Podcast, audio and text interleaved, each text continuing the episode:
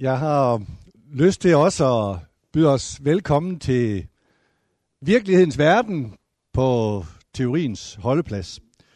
En verden af dilemmaer. En verden, som ikke er sådan at holde styr på i praksis. En verden af dårlig samvittighed og gode undskyldninger. En verden af gruppepres og forpligtethed på Guds ord. En verden af villighed til at stå fast imod alt og alle, hvis det er det, der skal til. Og stor fortrydelse, fordi man ikke gjorde det. En verden med hårde hjerter og sårede skæbner. En verden, hvor en gang imellem enkeltpersoner får afgørende betydning. En verden, hvor Nikolaj Winter lovede os til et teolkursus, at når vi har hørt Kenneth Bailey, så vil vi aldrig prædike mere på samme måde. En verden, hvor Kenneth Bailey kom og fortalte alle os gavede, at der var noget, vi ikke vidste. Noget, vi ikke havde tænkt på. Noget, vi ikke havde set komme på forhånd. En verden, hvor en ung student dukker op i Åben Rå. Elon Jebsen, med blandt andet Winston Brewers bog under armen, og havde den udmærkede ambition, at når han skulle være i praktik hos mig, så skulle vi læse en bog om ugen, og så diskutere sådan de praktiske konsekvenser. Det øh, er vi lidt bagud med stadigvæk, skal jeg sige. Øh, men en af dem, der landede på mit bord og lå der i en måned og blev ved med at skrige, det var Divorce and Remarriage. Øh, og hvor det endte med at sige, okay, så læser vi endnu en bog, som har sikkert et eller andet engelsk uh, let uh, løsning på svære dilemmaer, og så tager vi den derfra, og så skal han nok få lært, hvordan det er at være præst i virkeligheden. Sådan blev det ikke. Winston Brewers bog åbnede nogle nye vinkler, fordi den stillede nogle nye spørgsmål og havde nogle nye indfald til drøftelsen for mit vedkommende med en ung teolog og en teologisk sværvægter som Dr. Winston Brewer, hans tilgang fik øh, betydning. Det gjorde en enkelt passus i virkelighedens verden også. I løbet af 2012 har jeg sagt nej til vi tre par, som alle seks vedkommende er blevet involveret i vores menighed via blandt andet Alfa Gospel og andre tiltag.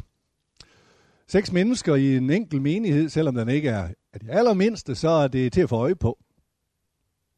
De blev alle tre gift alligevel. Og det havde jeg det både skidt og godt med. Jeg havde det skidt og godt, fordi jeg sagde nej, fuldt min samvittighed, og det jeg var overbevist om var Guds ord. Jeg havde det godt, fordi jeg ikke gjorde forskel på nogen, jeg kendte godt, og nogen, som bare ringer et eller andet fjern sted fra. Jeg havde det skidt, fordi de ikke forstod min argumentation, selvom de lyttede pænt til den og sagde, at de godt forstod det. Og jeg havde det, hvis jeg skal være helt ærlig, godt, fordi der var andre, der gjorde det, jeg sagde nej til. Og så har jeg det rigtig godt, fordi jeg kender dem alle seks, som tre ægtepar, der har deres plads i vores menighed stadigvæk. Men det fik mig til at sige til Elon på det tidspunkt, at nu laver jeg snart en Karsten Nissen. Det var på det tidspunkt ikke så lang tid siden, han havde mødt nogle meget sympatiske homofile mennesker, som havde fået ham til at sige, nu ændrer jeg praksis i forhold til homofil hvilelse, fordi det er nogle rare mennesker. De har også brug for Guds kærlighed, Guds velsignelse. Og så svarede Elon med al den visdom, som en ung mand kan have, at hvis man siger nej til at nægte folk noget, de beder om fra Gud, så gør man klogt i at have argumenterne i orden. Og det har Carsten Nissen ikke. Det er en anden diskussion. Øh, men så meldte spørgsmålet sig. Med den vægt, det har, når man ser konkrete menneskeskæbner, har jeg argumentationerne i orden. Det er optakten til i dag. Det er der, det begyndte med en bog, der blev ved med at ikke at ville begraves i alt muligt andet papir på mit skrivebord. Øh, som førte til en diskussion, og som førte til en diskussion her på stedet i MF's bestyrelse. Jeg vil gerne sige tak til både bestyrelse til lærerråd, fordi I tog stafetten op. Fordi at vi sammen var i stand til at leve op til det, som øh, i min bedste overbevisning er kendetegnende på en teologisk institution, som ønsker at være på Bibels grund, det er, at en gang imellem, så ser vi også på det, som gør ondt. Ser på det, som vi får klø for. Ser på det, som øh, det kan være vældig, vældig vanskeligt at tale om, fordi vi vil, vi vil sandheden fra Guds ord. Ikke mere, men heller ikke mindre. Og vi skal nok tage kløene. Så længe vi ved og er overbevist om, at det vi siger og gør det er rigtigt, så øh, er det det, vi gør. Vi er optaget af skriftens ord, og vi er ikke optaget af noget andet end at søge sandheden. Også selvom den kan være ydmygende for os, fordi vi skal æde nogle ord i os. Det gør vi så også i det her spørgsmål. Så tak til øh, jer, der har fået det arrangeret, jer, der har taget ideen op, jer andre, som har været undervejs med det her lige så lang tid, som, øh, som jeg har det, og som har haft en praksis igennem, kan vi efterhånden sige, flere årtier, og som alligevel siger, at nu er jeg nødt til at tænke tanker igen, nødt til at vende stakken en gang mere og se, om det holder vand, det som jeg tror er rigtigt.